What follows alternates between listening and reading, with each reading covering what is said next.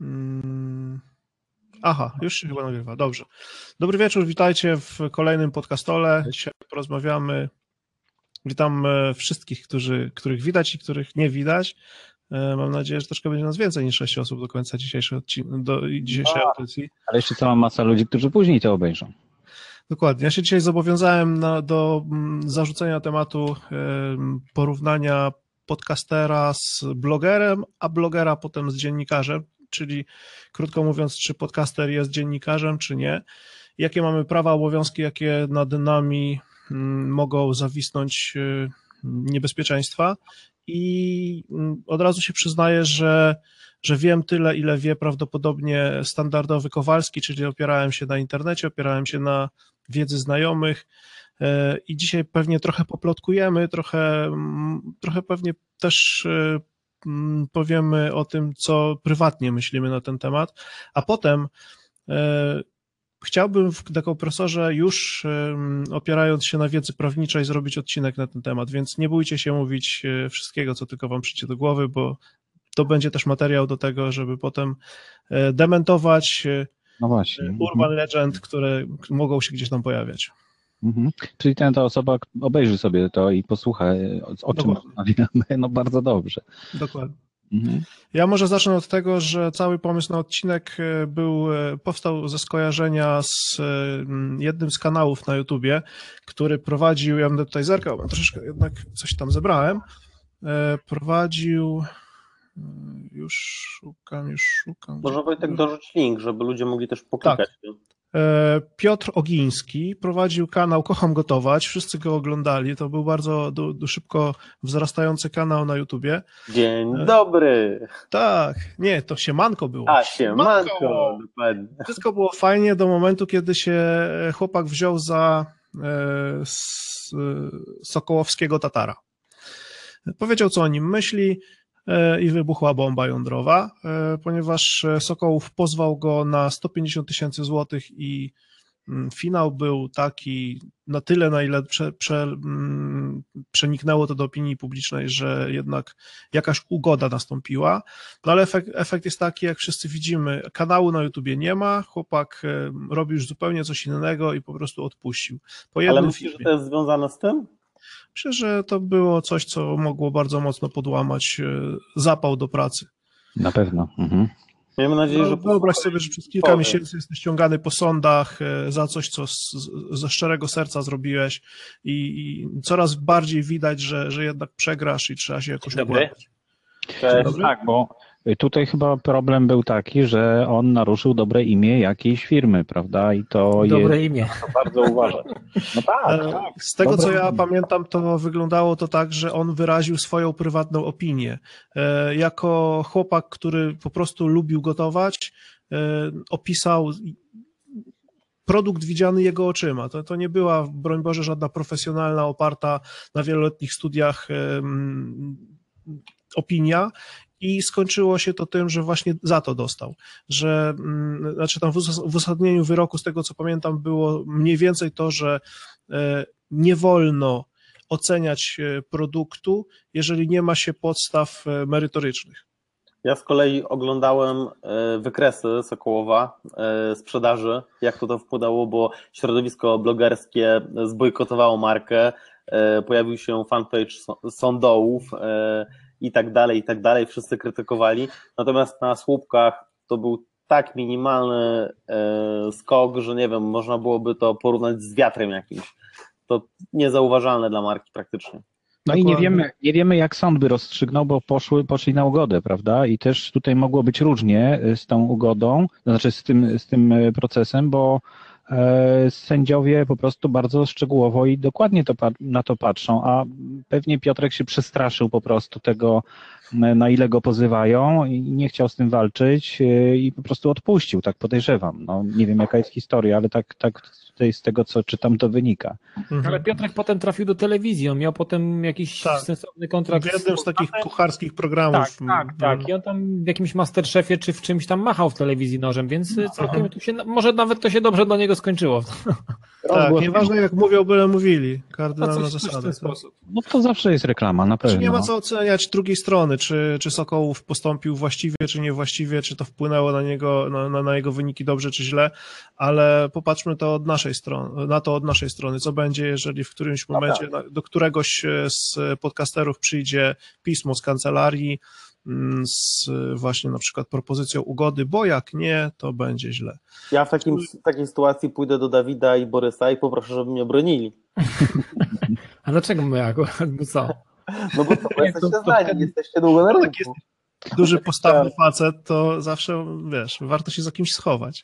To znaczy, ja myślę, że pozew to jeszcze, znaczy pozew musi być uzasadniony, żeby do Was dotarł przede wszystkim. To znaczy, do sądu składa się pozew i dopiero wtedy sąd rozpatruje, czy są podstawy do tego, żeby e, ten pozew e, przekazać e, sądowi. Znaczy, czy on, czy on ma, czy jest zasadny. I dopiero w momencie, kiedy jest zasadny, to docie- dociera do Ciebie, według sądu, jak jest zasadny. Tak, tak to rozumiem, bo tak kiedyś też miałem taką sprawę. E, ale mm, ważne, żeby odpowiedzieć od razu na taki, na taki pozew w ciągu siedmiu dni, wyczerpująco tej osobie, która cię pozywa, żeby sąd na nowo mógł e, stwierdzić, e, czy jest e, zasadność w ogóle zrobienia sprawy. Nie Ta wiem twoja dokładnie. sprawa dotyczyła tego, co powiedziałeś w podcaście? E, Nie, zdjęć, bo ja robiłem zdjęcia i tam była jakaś umowa, potem ten człowiek się wycofał z tej umowy, a ja już dostałem zaliczkę. No nieważne. W każdym razie chodziło o to, żeby e, no, uargumentować to e, twoje stanowisko. I to zawsze na spokojnie, można, to trudno jest na spokojnie, no bo jak dostajesz nagle, że jakaś olbrzymia firma chce od ciebie olbrzymie pieniądze, no to, e, to, to pierwszy moment jest taki, kurczę, nie mam tych pieniędzy, po pierwsze, po drugie zbankrutuję, w ogóle zawali się mój świat, ale można też zastanowić się, czy faktycznie to, co, to czego żąda ta firma, czy, czy są podstawy do tego, nie? No i, i właściwie to nad tym się trzeba było wcześniej zastanawiać, zanim się zrobi ten odcinek. Właśnie o tym Czy, chciałem czy powiedzieć, powiedzieć że o konkretnej firmie, czy pokazać po prostu tylko produkt, y, zasugerować, że to znana firma, która gdzieś tam y, w nazwie ma na przykład miejscowość. I, I to wtedy już nie jest takie oczywiste, ale wszyscy zrozumieją, prawda? Tutaj pewnie można manewrować w, tym, w ten sposób i wiele osób tak robi, z tego co wiem, żeby nie Tak. mówić o konkretnej firmie, bo to naraża na skutki. No. Ale to mówisz o jednym tym konkretnym przypadku. Ja bym poszedł jeszcze krok dalej i się zastanowił generalnie nad zasadami, bo mimo, mimo tego, że zdarzają się jakieś wyjątki, to jednak świat nasz gdzieś jakimiś zasadami się, się mm, posługuje i takie ogólne ramy gdzieś pewnie dałoby się określić. I teraz y, z jednej strony słyszymy, że na przykład y, jesteśmy jako podcasterzy, a mm, też ja bym postawił w ogóle znak równości pomiędzy blogerem a podcasterem. To jest tylko inny sposób przekazywania treści tam się pisze, tu się gada, ale generalnie i, i cel, i pomysł, i, i wszystkie zasady w zasadzie są podobne. Więc, no to jest publikacja, tak czy siak. więc Mhm. e, zastanówmy się nad, taką sytua- nad, nad takim pytaniem. Z jednej strony słyszymy, że jesteśmy opiniotwórczy, tak? Skoro jesteśmy opiniotwórczy, to wyrażamy swoje własne poglądy. Druga strona może się z nimi zgadzać, może się z nimi nie zgadzać, może wejść w polemikę, robić różne inne, inne dziwne rzeczy, ale to jest nasza prywatna opinia. A skoro jesteśmy prywa- skoro to jest nasza prywatna opinia, to wcale nie musimy być ekspertami w danej dziedzinie, żeby się na dany temat wypowiedzieć, prawda? A z drugiej strony ten przypadek na przykład pokazuje, że niestety tak nie jest do końca i że musimy jakieś, w jakichś ryzach te nasze wypowiedzi trzymać, bo inaczej możemy przekroczyć tą magiczną granicę, którą dzisiaj próbujemy wyznaczyć właśnie w tym odcinku i, Mhm. i, i, i zrobimy sobie naprawdę poważny problem. No, problem się pojawia najprawdopodobniej wtedy, kiedy zaczynasz wypowiadać się mm, autorytatywnie, to znaczy nie mówiąc o, o tym na przykład o, o swoim bezpośrednim doświadczeniu i, i, i bezpośrednim konkretnym doświadczeniu jakimś, tak? E, Tylko e, wymyślasz do tego, że, że to jest, że tutaj jest napakowane dużo chemii, na przykład powiesz, tak? Że w jakimś towarze jest dużo chemii napakowane. I to jest negatywny wydźwięk, a wcale nie masz dowodów na to, że tam jest dużo chemii napakowane i, i tutaj jak gdyby podajesz trochę nie, taką nieuzasadnioną informację i to może budzić e, potem e, no, problemy takie, że, że podajesz nieprawdziwą informację tak naprawdę. A jak ja na przykład powiem, że gra jest beznadziejna? Właśnie o tym chciałem zapytać, Dawid. Wyobraź sobie taką sytuację, właśnie, że wylewasz wiadro hejtu, jeszcze ze swoją ep- ekipą w trzy osoby, Mhm. po prostu hejtujecie nową produkcję nie wiem, Ubisoftu, kogokolwiek, no dokładnie.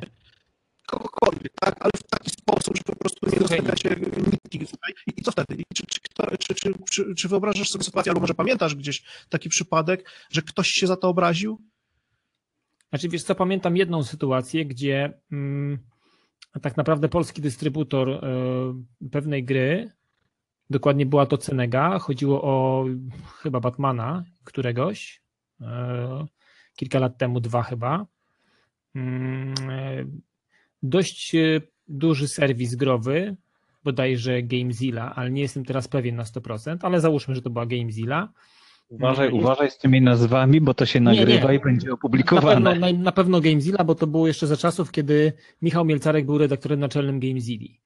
E, wystawiła bardzo niską ocenę, żeby nie powiedzieć tak naprawdę skandalicznie niską, to była 1 na 10 grze, która tak naprawdę miała problemy z uruchomieniem się E, i wynikało to z tego, że po prostu gra była niedorobiona i za wcześnie wypuszczana, bo oczywiście dział marketingu e, bardzo mocno naciska. Teraz wiemy, jak się gry produkuje. Produkuje się je bardzo szybko, na odwal się, na, mm, na odpiew, że tak powiem, czasami, i potem konsekwencje są tego takie, że gra przez pół roku, a nawet i więcej, czasami jest łatana. Chociażby Battlefield 4, który tak naprawdę przez rok był tak łatany, że po roku dopiero można powiedzieć, że był grą skończoną i grywalną. Mhm. Więc Ja mogę z to- własnego doświadczenia też taki przypadek sobie przy, e, przytoczyć, bo mm, pamiętacie na pewno pierwszego Wiedźmina, jak wychodził, jaki to był sukces Polski i wszyscy Mhm. kupowali Wiedźmina, nie? Ja też kupiłem sobie Wiedźmina e, i zainstalowałem e, mm, tego samego dnia, przyniosłem pudełeczko do domu, spakowałem, zainstalowałem, odpaliłem grę i wszystko jest czarne. Postać ma jakieś tekstury, ale cały świat jest czarny. I o co chodzi? No i potem się okazało, wpadłem na pomysł, co trzeba zrobić, zaktualizowałem sterowniki karty graficznej i tekstury się pojawiły.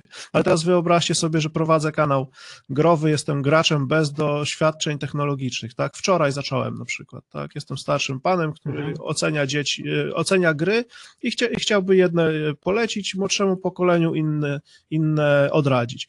I odpala taką grę, e, napotyka na ten sam problem i opowiada o tym całemu światu. I co wtedy?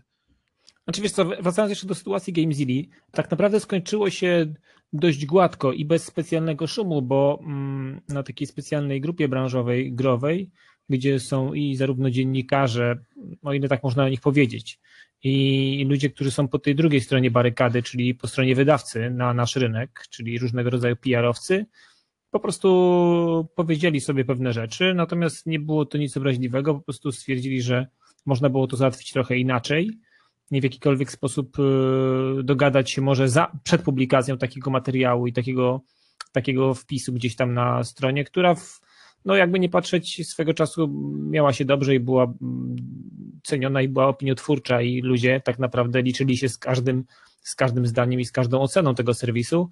No z reguły w grach wideo rozchodzi się to po kościach, wiecie? Nie widzę, żeby ktoś miał do nas jakieś zarzuty, że czasami powiemy to lub tamto. Czasami, czasami większe zarzuty i, znaczy zarzuty, e, częściej mm, nie zgadzają się z nami nasi słuchacze, bo uważają, że dana gra jest fajna, że dana gra jest jednak beznadziejna, a wy mówiliście, że fajna, ale nigdy nikt nie miał jakichś specjalnie zarzutów, że, że nie wiem, albo się zawiódł.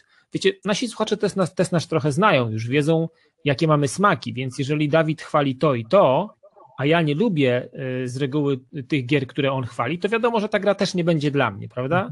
Więc ja nie będę ryzykował, bo Dawidowi się podobają rzeczy takie, które mi się z reguły nie podobają. Natomiast Tak. jeżeli To jest dokładnie ta opiniotwórczość, Tak. Natomiast nie wiem, czy e, automatycznie, może z defaultu, przez to, że jesteśmy podcasterami, ja o sobie nie lubię mówić jako dziennikarz, wiecie? Nie uważam się za kogoś takiego i chyba nigdy nie będę się uważał za kogoś takiego, bo mam, mam wrażenie, że dziennikarz to jest e, mm, raz, że to jest, wydaje mi się, ciężki zawód. Ja takiego ciężkiego zawodu jako podcaster nie wykonuję i wydaje mi się, że nie sięgam tak daleko jak dziennikarze, którzy muszą naprawdę czasami poszperać, nachodzić się. Wykonuję pracę mm, e, swoją podcasterską i taką trochę, może trochę dziennikarska jest, bo czasami muszę poszperać za czymś, czasami coś poszukać, czasami coś wydłubać, ale wiecie, z reguły to, to jest tak, że te informacje przelatują gdzieś tam przez ręce i człowiek po prostu przez sitko jakieś sobie przepuszcza, zostawia te, co są dla niego ciekawe i mm, nie No drąży tak, ale- tematu. Wystarczy nam źródło, ale skąd, kto to powiedział, że- jaki pan i tak dalej i koniec. No. Ale to, że nie mówisz o sobie, dzien- że jesteś dziennikarzem, to nie znaczy, że nie jesteś faktycznie tym dziennikarzem. Jesteś dziennikarzem obywatelskim co najmniej i publikujesz, e, czyli spełniasz wszystkie warunki e, dziennikarstwa. No to chyba, że w tym to- obszarze, może, może tak, No tak. natomiast y, to chyba jest minimum i maksimum, które robię w temacie dziennikarstwa. No. No, No, masz gdzieś, tak, masz gdzieś na, swoim, e, na swojej stronie napisane, że wszelkie opinie są waszymi prywatnymi opiniami na przykład, czy coś nie, takiego? nie mamy czegoś takiego. Ale A może jest też tak, że nie mówisz o grach, y, które ci się nie podobają. Nie, nie poruszacie tych kwestii. Znaczy nie, Ja mówimy myślę, o, że szkoda mówimy, czasu o- to, nie? nie, nie, to nie, e, nie, nie, panowie, nie, mówimy o rzeczach e, e, różnych, o takich rzeczach, które nam się podobają, takich rzeczach, które nam się nie podobają, Mhm. o grach, które nas zawiodły, bo liczyliśmy na nie, a okazało się, że nas rozczarowały. Mówimy o grach naprawdę bardzo fajnych, wyjątkowych, niemalże mm, e, legendarnych w tym, w tym, jak one się prezentują i historycznych. Natomiast y, zdarza się nam mówić o grach y, nieprzychylnie i o grach w sposób taki, na który one sobie zasługują po prostu przez to, czym są i jak, jak zostały wypuszczone na rynek i za co zostały wzięte pieniądze przede wszystkim, które są nie, odzys- nie do odzyskania tak naprawdę, jeżeli kupujemy grę w, dys- w cyfrowej dystrybucji. Myślę, że to w ogóle można by było zamknąć w jednym słowie wiarygodność. Jeżeli chcesz być wiarygodny, to musisz mówić o, o rzeczach, które się danym firmom czy danym markom udały, ale też pokazywać te, te potknięcia i problemy, bo inaczej mówiąc tylko o, o, o rzeczach dodatnich, w końcu no, dojdziesz do takiego stanu, że, że nikt nie będzie. No, my, to nazywamy, my to nazywamy, my mówimy o tym, że po prostu jesteśmy rzetelni. Staramy się być rzetelni, o. I to jest jedna strona tej monety, a z drugiej strony jest pytanie, czy masz prawo do błędu. Możesz się pomylić w swojej opinii. Przepraszam, że przerywam. Czy wy Wojtka słyszycie dobrze?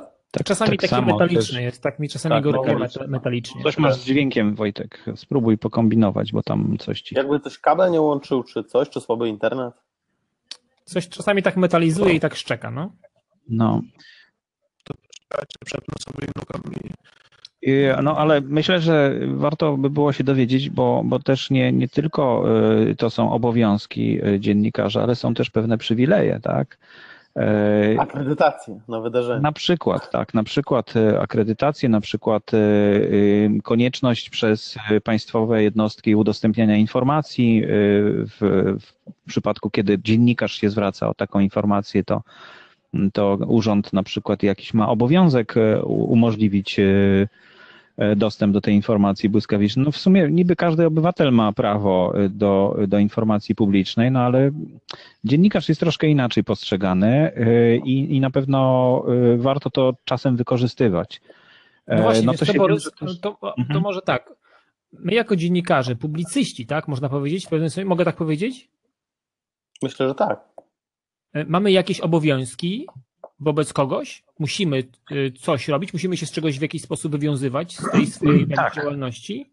Tak, oczywiście macie obowiązki, ale te obowiązki to są to dokładnie to, o czym mówiłeś, czyli rzetelność, e, sprawdzenie źródeł, podawanie informacji e, właśnie I pomyłka też jest dopusz- dopuszczalna w ramach tego wszystkiego, w, tej naszej, w ramach Tak. tej naszej pracy. To się też zdarza, prawda? Nawet, nawet naprawdę zawodowym No wiesz, takim dziennikarzom ze stażem, którzy w redakcjach to się, to się troszeczkę inaczej odbywa, bo masz redaktora naczelnego, który on odpowiada za, za to, co publikuje gazeta, czy jakiś portal, czy cokolwiek, prawda?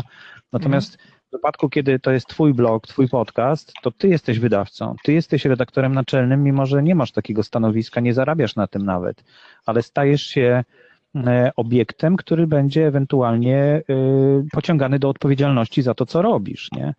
Myślę, No że tak. to jest e, ważne, że ludzie tego nie, nie wiedzą. No, pewien poziom kultury e, osobistej e, narzuca ci, znaczy nie narzuca, tylko po prostu powoduje, że wypełniasz te wszystkie, e, te wszystkie normy e, dziennikarskie i wywiązujesz się z tych obowiązków, które, które normalnie dziennikarz ma.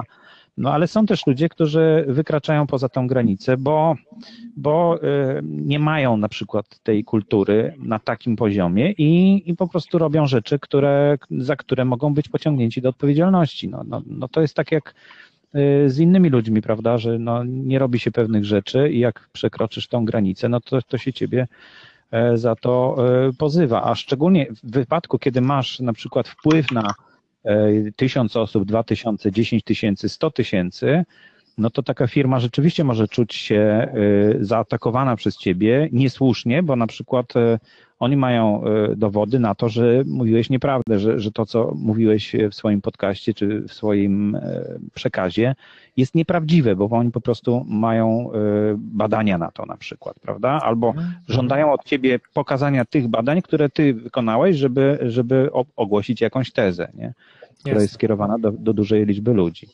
Także ja bym tutaj, e, wiesz, no pewnie właśnie starasz się być rzetelny i, i pewnie to po prostu wychodzi. E, ja myślę, że warto właśnie mówić o tym, że jeśli, jeśli ktoś w waszej audycji się wypowiada, że to jest jego prywatne zdanie, prawda?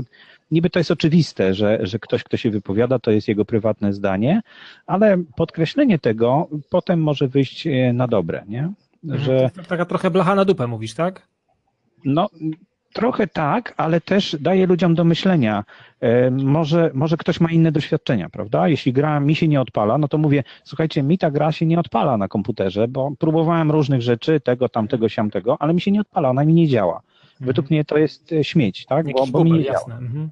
No ale A co w takim razie? Może, może ktoś z Was e, uruchomił tę grę, to po, powiedzcie mi, jak to uruchomić, prawda? I wtedy no wtedy jest to, jak gdyby wiadomo, że to jest Twoja opinia, Twoje doświadczenie i, i Ty miałeś z tym do czynienia. E, o, podrzuciłeś, Paweł, jakiś tutaj artykuł. Tak, jakiś artykuł. Myślę, artykułu 14 Konstytucji Rzeczpospolitej Polskiej.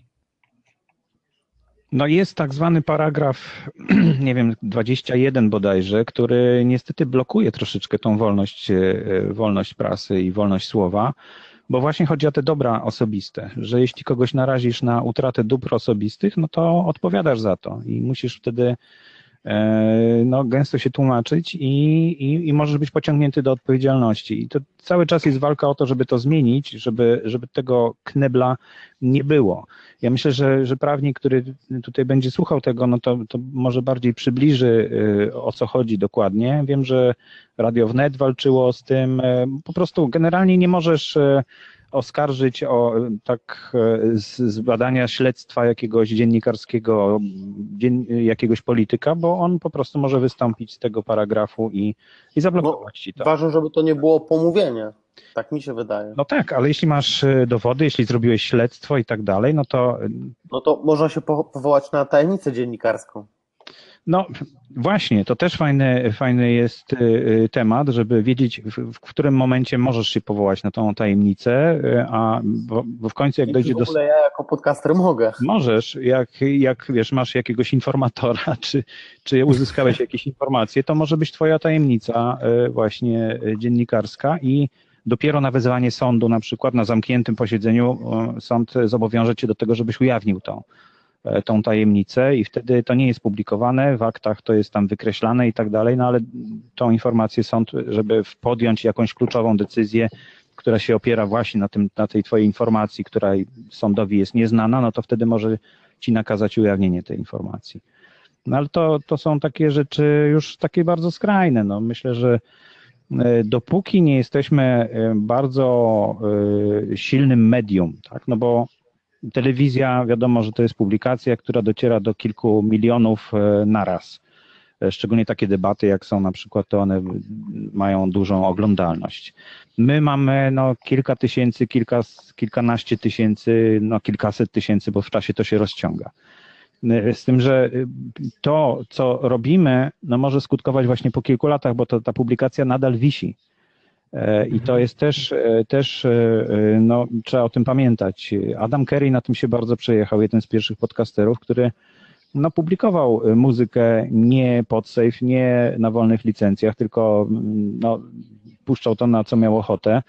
No i tam w końcu, w końcu musiał te odcinki swojego Daily Source Code usunąć z internetu. One są dostępne oczywiście w jakiś tam inny sposób, no ale też nie jest do końca ścigany za to, no bo, bo to taka nisza troszkę, nie? I, i to taki, aż takiego dużego wpływu nie miało. Poza tym ważne jest też, żeby pamiętać o tym, że e, jak idziemy do sądu, to nie jest jakaś, to naprawdę nie jest aż tak, aż tak trudne trzeba po prostu mieć jasne argumenty, nie bać się sądu jako czegoś, co na pewno mnie skaże i ja już jestem tutaj na pozycji przegranej, bo wygrywają ludzie z dużymi firmami. Nawet Kowalski wygrywa z Polską, prawda? Gdzieś tam w Trybunale Konstytucyjnym. Szczególnie jak Kowalski siedzi. Yy, No, to jest inna rzecz, czy siedzi, czy nie siedzi, ale, ale wiesz, zdarzają się takie pozwy, bo, bo państwo polskie czegoś tam nie dopilnowało, a w świetle mm, e, jakiejś, e, e, czy zaniedbało i można pozwać nawet całą Polskę i można wygrać z państwem polskim. Także, a firma taka tam jakaś produkująca wędliny, ja bym się por- porządnie zastanawiał nad tym, poszukał prawnika w przypadku, być może on to zrobił, ale nie, nie wiem e, znalazł prawnika i, i poradził się. Prawnika się nie szuka na zasadzie poradź mi, czy, czy występować, czy nie, tylko czy weźmiesz moją sprawę, czy jesteś w stanie wygrać z nimi Tak, tak. e, pieniądze, prawda? Bo on musi na tym zarobić, tak czy siak. Więc on po prostu się, się w to zaangażuje, jeśli będzie wiedział, że może na tym zarobić. No, Wspomniałeś tak- o telewizji, to mi się skojarzyło. Zobaczcie, że mamy mm, ci, co mają kablówki, ja kiedyś tam miałem, więc coś wiem. E, Mamy e, rozmaite telewizje. Pod przyciskiem pilota możemy sobie dobrać do gustu i do upodobań telewizję bardziej wyważoną, telewizję ostrzejszą, bardziej radykalną i programy, które są dużo ostrzejsze i dużo, dużo wyrazistsze w opiniach i te takie bardzo ugładzone, tak? Mamy Mhm. też w prasie wybór pod własne, pod własne preferencje, preferencje możemy sobie dobrać prasę, gdzie pracują e, nazwijmy to tacy mega profesjonalni dziennikarze aż do przesady, którzy boją się jakiegokolwiek ostrzejszego e, osądu sytuacji i są tabloidy i tym podobne publikacje, które kompletnie mają w nosie wszystko łącznie z prawdą e, i jakoś to wszystko ciągle funkcjonuje. Mimo tego, że mówimy o tym, że to prawo prasowe, że, że, że obowiązki, że prawa dziennikarzy, ale z prawami też idące za, dalej za tym obowiązki, i to w ogóle nie przeszkadza istnieniu tak, tak, takiej, takiej ogromnej rozbieżności między tak tymi, tymi poprawnymi politycznie, a tymi radykalnymi. Tak samo w polityce. I teraz jak to, jak to pogodzić e, z, z takim codziennym, mm, z taką codzienną pracą naszą, tak? Nad odcinkami, nad materiałami. Czy możemy sobie pozwolić na radykalizm, radykalizm w opiniach, czy możemy wyrażać własne opinie mimo wszystko, mimo tego, że mogą nie spodobać się 99% po- publiczności, społeczeństwa i kilku sądom, czy powinniśmy się pilnować jednak i tego języka używać z rozsądkiem? Nie, no, Znaczy, na pewno z rozsądkiem. My na przykład, znaczy my, my, się, my się pilnujemy w kwestiach e, takich, gdzie naprawdę jest nam przedstawiany jakiś dokument, że nie wiem, już kiedyś chyba o tym mówiłem, że nie możemy mówić o jakiejś grze, bo ona jest w jakiejś tam fazie beta czy alfa i nie przedstawia pełnego prawnego produktu, który będzie miał premierę za miesiąc, dwa, trzy, cztery, tak? Więc nie możemy robić z tego materiału wideo, nie możemy o niej mówić, możemy w to tylko grać i opinię do pewnego momentu zachować tylko i wyłącznie dla siebie. I Mhm. Nie możemy łamać takich, takich dokumentów, które nam są przedstawiane y, i na podstawie zaakceptowania tych, y, tego, tych, tych, tego, tych zapisów, tego regulaminu jest nam udzielany dostęp do pewnej gry. I teraz tak naprawdę, gdybyśmy to złamali, to, możemy to złamać, możemy złamać ten przepis, e, to ten regulamin, który podpisaliśmy, tą, ten, ten dokument. E, Ale To nie jest prawo, tylko to jest wasza umowa. Mhm. To jest taka umowa, to jest NDA, taki, taki, taki, takie pisemko. I Ale między kim a kim? Wami a kim? między, między wydawcą, twórcą gry, Okej, a nami na przykład. rozumiem. Oni nas traktują jako recenzentów, jako ludzi, którzy będą. Taka dżentelmeńska umowa po Taka prostu. dżentelmeńska umowa. My ją możemy złamać oczywiście. Konsekwencje mogą być różne. Najczęściej to się kończy w ten sposób, że jesteśmy odsyłani i spadamy na czarną listę. Nie jesteśmy zaproszeni na pokazy zamknięte, nie dostajemy e, kopii gier przed premierą za darmo, żeby ograć i w dniu, kiedy schodzi embargo na, na recenzję, móc automatycznie o niej się wypowiedzieć, bo my mamy ją ograną, straciliśmy na to, przeznaczyliśmy na to 10, 20, 30 godzin, czasami nawet 100 w, w większych produktach Y, i możemy w ten day one, kiedy to embargo schodzi, mówić już o tej grze. Bo Mamy zaplecze, mamy jesteśmy przygotowani. No to jesteśmy konkurencyjnym, opiniotwórczym kanałem, który w dniu premiery już grę skończył, ograł i może o niej powiedzieć absolutnie wszystko, bo przewiercił ją na wylot. Spadamy wtedy na taki, na, na dno takiego wiaderka, z którego ciężko się potem znowu wydostać na wierzch. To jest praktycznie, że tak naprawdę to jest czasami niemożliwe. No ale to jest taka umowa pomiędzy jasna, prawda? Natomiast Tak. e, tworząc podcast nie masz takiej umowy. Właściwie powinieneś poznać e, to prawo prasowe w takich głównych założeniach. Wydaje mi się, że warto je poznać, skoro stajemy się dziennikarzami, czy tego chcemy, czy nie. Mm, e, Nawet mówiąc o tym, że prezentuję tutaj tylko własne opinie, no to jednak jest to, jest to według mnie rodzaj dziennikarstwa i, i ty, Poprzez czy- formułę, w którą to się. No ja Tak, rozumiem to. Mhm. tak, czy, czy ty to wiesz, no jeśli, jeśli idziesz na, y, y, na ulicę i sprzedajesz jakiś towar, no to jesteś sprzedawcą. I, i, i ty możesz mówić, nie, ja, ja nie jestem sprzedawcą, bo nie mam firmy, nie mam tego, ale nie, jesteś sprzedawcą, prawda? No bo robisz to, co robi sprzedawca, w związku z czym obowiązują cię jakieś tam przepisy. I to samo jest z, z, z podcasterem czy z blogerem. No jeśli, jeśli publikuje y, y, coś, no to jest automatycznie publikatorem, czyli nadawcą, a jeśli jest nadawcą, no to, to jest dziennikarzem. Według mnie to jest, e, tylko że tutaj wiążą się dwie sprawy, bo jesteś jednocześnie odpowiedzialny za te treści, a w redakcji ty nie odpowiadasz za treści, tylko redaktor naczelny e, z właścicielem pisma e, Solidarnie bodajże. Mhm. Także to z, z wydawcą, nie? I, I wydaje mi się, że no, dobrze byłoby się zapoznać z tym prawem. Ono nie jest aż tak e, e, złe dla nas, e, dla dziennikarzy i raczej nie jest to lektura, która zmieni nasze podejście do, do tego, co robimy, tylko być może ustrzeże nas przed pewnymi y, jakimiś problemami, które mogą się w przyszłości zdarzyć, a o których na przykład nie wiedzieliśmy, że tutaj chciałem zrobić taki odcinek, ale no może jednak go nie robić na ten temat, bo, bo ten temat właśnie tutaj gdzieś tam podpada, nie? I że, że może być. To są takie fajne wytyczne, bo to są, prawo w ogóle sformułowane jest dlatego, że to jest wypracowane y, jakiś system zasad współżycia w społeczeństwie, prawda? Więc to ja, ja, na, ja na prawo patrzę w ten sposób. Ono czasem jest nieadekwatne do tego, co się zmieniło w naszym świecie, ale jednak wypracowane przez wiele, wiele pokoleń. I, I myślę, że to można traktować też jako pomoc, jako podpowiedź y, w takiej pracy dziennikarskiej. No wiesz co, nie w każdym obszarze, bo czasami to prawo jest bardzo, bardzo mocno wstecz i jest przestarzałe, zresztą też mówiłeś o tym. właśnie. Mhm, No właśnie, właśnie. Mhm, No, i, no ale wtedy to występujesz i, i chcesz zmieniać to prawo, tak? No I tak, oczywiście, sprzeciwiasz się. na osobę, No jasne, na jasne. osobę, która, która y, y, no, zgadza się z tobą, że trzeba to zmienić, prawda? Mhm, mhm. Mamy wybory niedługo, więc to temat jest taki, warto się zastanowić właśnie na kogo głosować i czy w ogóle głosować, bo można nie głosować i czy- czy to coś zmieni, czy, czy, czy nie chcemy, żeby się coś zmieniało. To, to są takie... No jak się nie głosuje, to się głosuje na tego, co wygrał. Y, No nie, głosuje się na tego, na, no, na najgorszego kandydata wtedy. Oddajesz swój głos na, na najgorszego kandydata, jaki jest.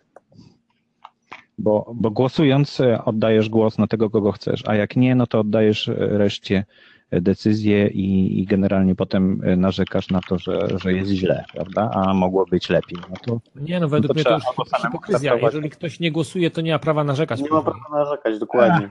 spoko, narzekają, narzekają. No tak, Słuchajcie, ja to mogą mieć zostawię. pretensje do siebie, jasne.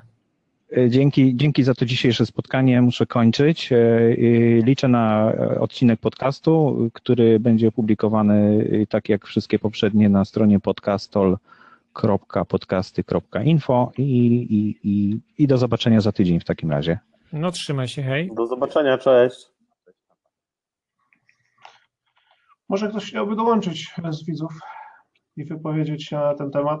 Myślę, że dzisiaj mamy ciężki temat, mało ludzi generalnie nas oglądać chce dzisiaj. No jeszcze cztery osoby nas oglądają. Chyba siedem, może ja widzę, że Siedem. Ale, Ale od, odjąć od, odjąć tak? naszych, tak, odjąć nas, tak, to A jest. my się tam zaliczamy do tej siódemki? Tak, tak, Tak. Nasza trójka siedzi tutaj. No to liczymy obecność. Kto jest po drugiej stronie, niech wrzuci komentarz. Jest Michał. Michał chciał chyba dzisiaj nawet z nami pogadać. Pisał o tym, więc jeżeli Tak. masz Michał ochotę, to wbijaj, jest krzesło. Nie elektryczne, także nie bój się.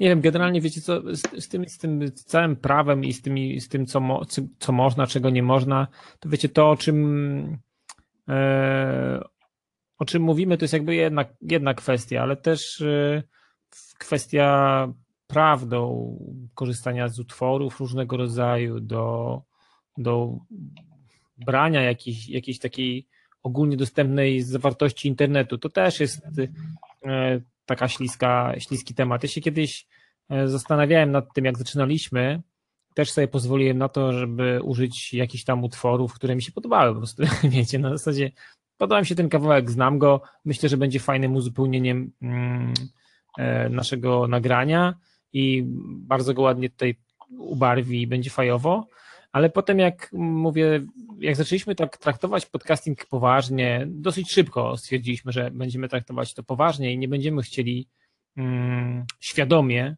e, szarpać się e, z prawem i próbować, e, że tak powiem, wystawiać się, no to mówię, co zrobię. Zapytam się po prostu za X-u, jak to wygląda i co mi może, co mi wolno, a jeżeli mi yy, coś wolno, to w takim razie ile to będzie kosztowało. Wiecie, zostałem po prostu bezczelnie spuszczony na drzewo, po prostu wysikali się po prostu mi wprost w twarz, rzucili jakąś tam po prostu pierwszą lepszą kwotę, która przyszła im na klawiaturę, po prostu, żeby mnie zbyć i żeby mnie po prostu zniechęcić do drążenia tematu, została to wpuszczona jakaś kwota, która no może nie była jakaś zabójcza, ale była na tyle absurdalna i, i na tyle nieadekwatna do tego, z czym ja wychodzę w ogóle do internetu i że tutaj jestem nie po to, żeby kosić kokosy, żeby mm, nachapać się jak dzik w ciągu roku i zwinąć żagle i wyjechać na Kanary i byczyć się gdzieś tam w słońcu. E, I robiłem. Tylko trzy lata sobie na to dajesz. Tak. Więc generalnie pod, pod, podszedłem, do, podszedłem do dwóch osób tam generalnie. Dwie osoby zaczepiłem różne, bo myślałem, że to może jakaś pomyłka, może ktoś jest, po prostu miał zły dzień, mm, albo miał po prostu jakiś po prostu słaby e, okres w swoim życiu, ale okazuje się, że druga, kontakt z drugą osobą, i to była kobieta, był jeszcze gorszy i, i był jeszcze bardziej, bardziej bolesny, że tak powiem, dla mnie, więc stwierdziłem, że w takim razie wypinam się na to wszystko i będę Mam masę znajomych, którzy produkują różnego rodzaju fajną muzykę, jest masę muzyki dostępnej mm, do użytku i tak dalej. Po prostu poszperam za nią i, e, i będę korzystał z niej. I tak jest do dzisiaj i tak naprawdę nie zamierzam w jakikolwiek sposób, wiecie, e, chyba pod, podchodzić już e, do, do takich właśnie dział- firm jak ZAX, bo to jest w ogóle... Cześć, siemanko. Strasznie się spodziewałem. Siema, cześć Michał. Cześć, Więc cześć. generalnie, wiecie, to jest, to jest też słaby temat, ciężki, kurczę. I też na to trzeba mieć jakieś baczenie, bo y, tak jak mówił Borys, że ktoś gdzieś tam kiedyś użył, wisiało w internecie przez 2, 3, 4 lata i potem ktoś się do tego dopieprzył, bo, bo koleś nagle wypłynął i stał się popularny, E, słuchalny i nagle, to wiecie co, to zobaczmy, co on tam kiedyś robił. Może na coś, na coś mu tam jakiś, jakiś mu hak pod żebra wbijemy. No i okazało się, że jednak można, więc y, to, to Są też... łowcy, którzy szukają takich rzeczy. No, Mnie pomyśl, domyślam się, że to jest jakaś, jakiś rodzaj windykatorów albo komorników. No są łowcy przecież, łowcy klauzul na przykład zakazanych w najrozmaitszych e, regulaminach, e, na przykład w sklepach internetowych były mm. nagonki, całymi setkami pozwy, e, czy tam straszenia poz, pozwem. Mm. Ale mm, ja jeszcze mi się przypomniało, że jak zaczynaliśmy odcinki wideo, to byłem taki bardzo mocno nastawiony na to, żeby bardzo dużo ilustrować to, co mówimy e, rozmaitymi materiałami z internetu. I o ile mam zrozumienie prawa polskiego, prawa mm, do wykorzystywania takich materiałów, to jeżeli to nie będzie e, od innej strony, jeżeli to będzie cytat, czy będzie taki materiał użyty właśnie jako ilustracja do moich opinii, to, to chyba mogę bez żadnego problemu z tego korzystać. Niestety tak to nie działa na YouTubie. I wtedy bardzo się, mhm. bardzo się zastanawiałem, jak to jest możliwe, że mnie nie wolno e, użyć, nie wiem, minutowego nagrania, które pokazuje konkretny problem technologiczny, który ktoś gdzieś złapał kamerą. Ja będę o nim potem rozmawiał przez pół godziny, ale chciałbym to pokazać na ekranie i nie chciałbym tego robić samodzielnie. Tak? E, mnie tego nie wolno użyć, a z drugiej strony kanały growe, właśnie YouTube'owe na przykład, są pełne y, rozmaitego materiału z gier y, i nie ma z tym żadnego problemu. Ja nie mówię o tym, co nagrywają y, ci, którzy, ci gracze, którzy tam streamują i, i swoje własne rozgrywki wysyłają, ale ba, bardzo się zawsze dziwiłem, jak to jest możliwe, że przechodzą im na przykład trailery do gier które, które wszędzie jest ich pełno, po prostu czasem te recenzje składają się prawie wyłącznie z jakichś trailerów i fragmentów gier, które widać wszędzie w te, te, te dokładnie te same sceny. Więc jak to, jak to działa? E, I jeszcze jedna ciekawostka. e, Zacząłem e, też wtedy, pamiętam na początku, łączyć całe to, to tutaj to moje wyposażenie i okazało się na przykład, że desktop z, z Maca jest e, nawet to, co widać na, na, na, na desktopie. To wcale się nie odtwarzał jakiś film, wcale to nie były jakieś multimedia chronione prawami autorskimi, tylko po prostu ikonki i okienka są wysyłane z zabezpieczeniem HDCP i nie da się tego bezpośrednio podłączyć na przykład do karty, która przechwytuje. Więc Jasne. jakieś makabryczne dupochrony, tak? Lepszego słowa nie ma. Tak? E, Mamy, mamy nową osobę przy stole, może oddamy głos. E, Cześć, powiedz skąd jesteś, czym się zajmujesz? Cześć, siemanko, jestem Michał. Yy, No i co, właśnie sobie postanowiłem, że wreszcie dzisiaj do Was dołączę. Nie wiem, czy właśnie widać, bo testuję yy, podpięcie wszystko mar... świetnie. No właśnie, yy, sam jestem Jest w szoku, dobrze. że w ogóle Jest dobrze. naprawdę wygląda to nieźle. No i co, właśnie mm, może historię szybko dopowiem do tematu ZAX-ów, to co Dawid mówiłeś. Ja na przykład miałem taką historię w związku z tym, że yy, pracuję w branży takiej, że nie wiem, pracuję z ludźmi załóżmy, czy są to fitness kluby, czy e, szkoły tańca na przykład. To miałem taką sytuację, że e, pamiętam, że jak byłem menadżerem jednej ze szkół tańca, to no, musiałem dealować z tymi ludźmi z ZAX-u i gdzieś tam e, z nimi negocjować stawki. Tak to się nazywało. I pamiętam, że oni mieli jakąś taką e, tabelę rozpisaną. W tej tabeli w ciągu miesiąca konkretnego e, ustalali mi, e, jaką kwotę muszę odprowadzić jako szkoła tańca. Poprzez oni sobie tam obliczali jakąś konkretną kwotę i po prostu moim jedynym obowiązkiem jako menadżera było mm, podesłanie im raz w miesiącu listy utworów, słuchajcie, do których ludzie tańczą na zajęciach mm, tanecznych, nie wiem, tango albo jakieś takie inne rzeczy. No i słuchajcie, no to zacząłem robić te listy, wysyłać im, po czym stwierdzili w ZAX-ie, że to za mało, że jak podsyłam im tytuł, tam wykonawcę i utwór, to za mało i słuchajcie dalej. Powiedzieli, że z każdej płyty, z której puszczamy muzykę, muszę z odwrotu albo z książeczki z środka, do każdego utworu, czyli podać wykonawcę i tytuł, pod spodem wymienić kompozytora, twórcę słów, czyli ghostwritera, e, twórcę bitu, kto zrobił dany beat, czyli e, po prostu beatmakera, który stworzył dany beat, no i, e, a i rok produkcji. No i słuchajcie, zgodziłem się na to i chyba po pół roku e, spotkałem się, po- e, spotkałem się z menadżerką jednego z teatrów tańca w Polsce i ona mi mówi, jak to? Mówi, ty musisz takie rzeczy wysyłać, a ile płacisz? No i ja podałem jej stawkę, którą my płaciliśmy na tamten okres i ona się złapała za głowę i mówi, człowieku, to my, oni w Katowicach, mówi, my w Katowicach aż tyle nie płacimy, to coś jest nie tak, u ciebie jest podejrzana sprawa. No i zacząłem jakby trochę szperać w internecie i też podpytywać ludzi, jak to z tymi ZX-ami jest. I słuchajcie, już nie będę całej historii opowiadał, ale w, e, ostatecznie stanęło na tym, że w ostatnim miesiącu, kiedy podlegaliśmy pod ZAX, zadzwoniłem do pani ZAX-u i mówię, w tym miesiącu będziemy wykorzystywali te i te utwory, wysłałem na maila. A pani mówi, no to z tego mi wychodzi, załóżmy 500 zł musicie zapłacić za ten miesiąc, prawda? A ja mówię, no ale wie pani co, na przykład w Katowicach koleżanka mi powiedziała, że płacą 250 zł, a ona mówi, mm, proszę poczekać chwilę, melodyjka i za chwilę wraca do mnie i mówi, wie pan co, yy, dobra, 450.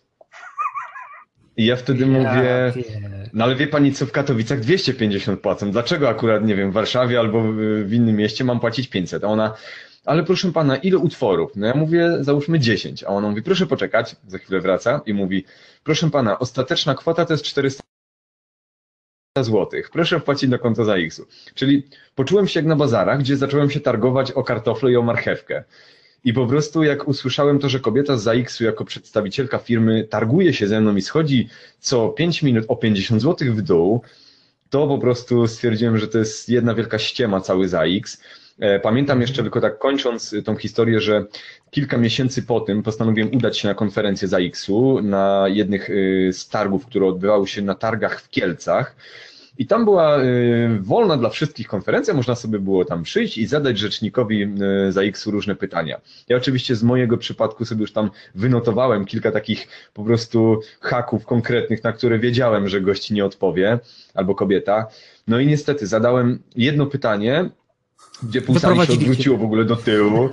Wszyscy się odwrócili i zapytali, ale jak to? Przecież pan nie może tutaj, e, akurat to nie jest na ten temat e, konferencja. No i ja mówię, no ale to jest do ZAX-u pytanie, prawda? Tu pan powiedział, że możemy pytać o prawa autorskie odnośnie dowolnego tematu, a myślę, że to było związane. No i po prostu podałem od razu z bomby mój przykład, że pani przez słuchawkę się ze mną targowała i o 50 zł schodziła, aż w końcu mówię, że może bym doszedł do zera w pewnym momencie, może za jakąś wymianę, może by chciała przyjść potańczyć, nie wiem. No i gość się zmieszał i oczywiście wszyscy byli w szoku, że, że, że takie pytania padały, no ale no tak to jest za X-ami. To kiedyś taką anegdotkę mogę, Wam przytoczyć szybciutko z, z życia. To, to, to nie jest wymyślone. Jest sobie w Warszawie bar mleczny, jest kolejka, kilka osób stoi, pani obsługuje, wydaje posiłki, tam są jakieś no, różne kopytka, inne rzeczy, tak jak to w, bar, w barze mlecznym. E, no i podaje ceny 7,20, 8,40, 19, 19 ileś i tak dalej. I podchodzi kolega, e, wziął kompot i chyba dwa pierogi czy coś takiego, a ona 7,60. Ale, ale, ale jak to pani wyszło? A nie, 4,20, przepraszam. Także no, to była sytuacja autentyczna. A teraz jeszcze, żeby, bo widziałem, że Dawid łapał się za głowę przy tym, e, przy tym opowiadaniu o ZAX-ie.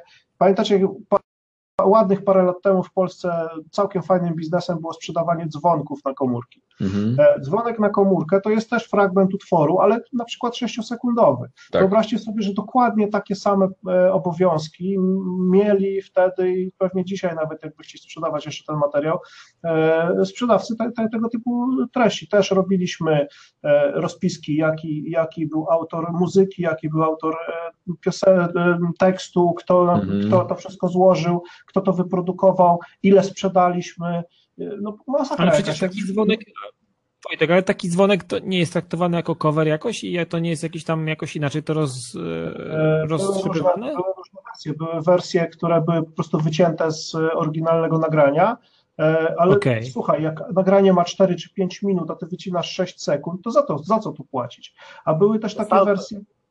Sample, dokładnie. Były też takie wersje, wersje, gdzie po prostu były covery zrobione przez jakiś tam zespół totalnie no inny, tak, i po prostu, po prostu gdzieś tam wzorowali się na oryginale, tak, za to też się płaci, za to tak, się dokładnie. płaci O matko, ręce mi opadają. No słuchaj, no ja, że my nie wpadliśmy na pomysł, żeby taki ZAX otworzyć, to, to sobie wchodził brodę. Jest parę takich organizacji, co wyciągają e, ręce. Można powiedzieć, że tak jak był, był taki teleturniej muzyczny kiedyś w, w, gdzieś w którejś polskiej telewizji, e, to będziesz płacił po jednej nutce. tak. No, tak, jest, tak. słuchajcie, paranoja. A to też taki przykład tylko powiem y, mojego znajomego, y, który jest DJ-em i ma akurat, y, on akurat gra z legalnej muzyki, ale jego, jego sytuacja była bardzo dziwna. Grał z Warszawy, pojechał do bodajże gdzieś na Śląsk, do jakiejś miejscowości, nie pamiętam i po prostu trafił, że tak powiem, w niewłaściwe miejsce o niewłaściwej porze, dlatego że e, zrobiła policja nalot na klub, w którym grał. No i mm, w ogóle mm, policja wchodząc, y, policja gospodarcza wchodząc do klubu, pierwsze co, weszła na DJ-kę i tego mojego znajomego jako DJ-a, bo było ich dwóch w klubie, nie było. Ten mój znajomy był w tym czasie przy barze, pił w ogóle wodę i czekał na swojego seta, kiedy miał zagrać, a jego laptop, MacBook, był w ogóle pod ladą DJ-ską, y, schowany, zamknięty. I policja jak weszła, pierwsze co weszła do klubu, to właśnie zabrała spod lady jego laptopa, ten DJ, który grał, to był miejscowy DJ jakiś, grał dalej po prostu muzykę. No i słuchajcie, jaka akcja, że policja mm, zabrała mu tego laptopa, oczywiście do menedżera klubu od razu, który jest właścicielem, no i ten mój znajomy mówi, no ja. E, I oni mówią do niego, że my go rekwirujemy, ponieważ mamy zgłoszenie, że na tym laptopie jest nielegalna muzyka. I słuchajcie, no po, iluś tam już, po, po, iluś tam miesiącach, co w ogóle jest y, niemożliwe, bo, bo jakby znam od środka tą, y, taką, takie sytuacje i nie, policja nie ma prawa czegoś takiego zrobić, no ale zabrano mu ten komputer, imprezy nie zagrał, wrócił do Warszawy i kilka miesięcy trwało, aż odzyskał komputer i słuchajcie, mm, ostatecznie e, cała ta historia potoczyła się w ten sposób, że E, zwrócono mu laptopa. E, dzielnicowy e, na chyba, on mieszka na Białołęce, dzielnicowy kazał mu się zgłosić. Odesłali mu UPS-em laptopa, słuchajcie, bez trzech klawiszy, z urwanymi trzema klawiszami. I słuchajcie, dostał notatkę i w tej notatce dostał całą jakby procedurę, którą policja mm, jakby w trakcie tych działań wszczynała wobec tego laptopa. I słuchajcie, na czym, y, co tam było napisane, on mi to czytał wszystko. I okazało się, że w ogóle policja, pierwsze co, to napisała, że komputer nie posiada systemu operacyjnego, bo nie ma Windowsa w środku. I w ogóle, bo miał hasło na MacBooku i po prostu oni nie potrafili tego zrobić, nie potrafili odpalić tego kompa, więc kolejny jakby log z tych, z tych ich jakby y, postępowań wobec tego laptopa brzmiał tak, że nie mogą się dostać, y, ponieważ nie mogą złamać hasła, y, informatycy nie wiedzą jakie jest hasło, coś tam, coś tam. Ostatecznie odsyłają komputer, ponieważ nie mają dowodów na to, że na komputerze jest nielegalna muzyka. Ale te wyrwane klawisze to No. próbowali się dobrać do dysku pewnie, tak? Y, Coś, coś musieli próbować zrobić. W każdym bądź razie mój y, kumpel później tam y, właśnie próbował pozwać y, tą komendę. Ostatecznie się jakoś tam polubownie skończyło. No ale wiecie, dla DJ-a przez y, pół roku nie mieć lapka, no to musiał szybko sobie konkretnie drugiego, ponieważ już gdzieś tam koncerty miał zabukowane, e, a, a nie jest jakimś tam y, przeciętnym DJ-em, tylko gdzieś tam y, mocniej działa i od razu musiał szybko kupić drugiego laptopa, żeby zacząć y, grać koncerty dalej. Także on na podstawie tego chciał pozwać policję. Później, że pozbawiono go na pół roku pracy, prawda? Słuchajcie, ja myślę, że tym Straszne. optymistycznym akcentem powinniśmy pomału kończyć nagranie, niekoniecznie spotkanie, ale nagranie chyba już najwyższa pora kończyć. E, Odbiegliśmy trochę w ostatnich kilkanaście minut od tematu, ale No tak. jeżeli ktoś miałby ochotę e, podzielić się swoją opinią, będzie to oglądał później albo dzisiaj nie zdążył, to piszcie do nas, piszcie na kontakt dekompresor.pl, kontakt małpa dekompresor.pl, piszcie na Twitterze, na pewno no na pewno ktoś, e, ktoś to zauważy i damy radę e, nawiązać kontakt w ten sposób. Także cóż, no dzisiaj, dzisiaj e, zaraz kliknę stop recording i, i kontynuujemy. Do usłyszenia następnym razem. Mhm. Hej. Dokładnie. No i oczywiście zapraszamy na okrągły podcastu za tydzień, który będzie też o tej samej porze. Jeszcze chyba nie, nie mamy tematu, ale na pewno będzie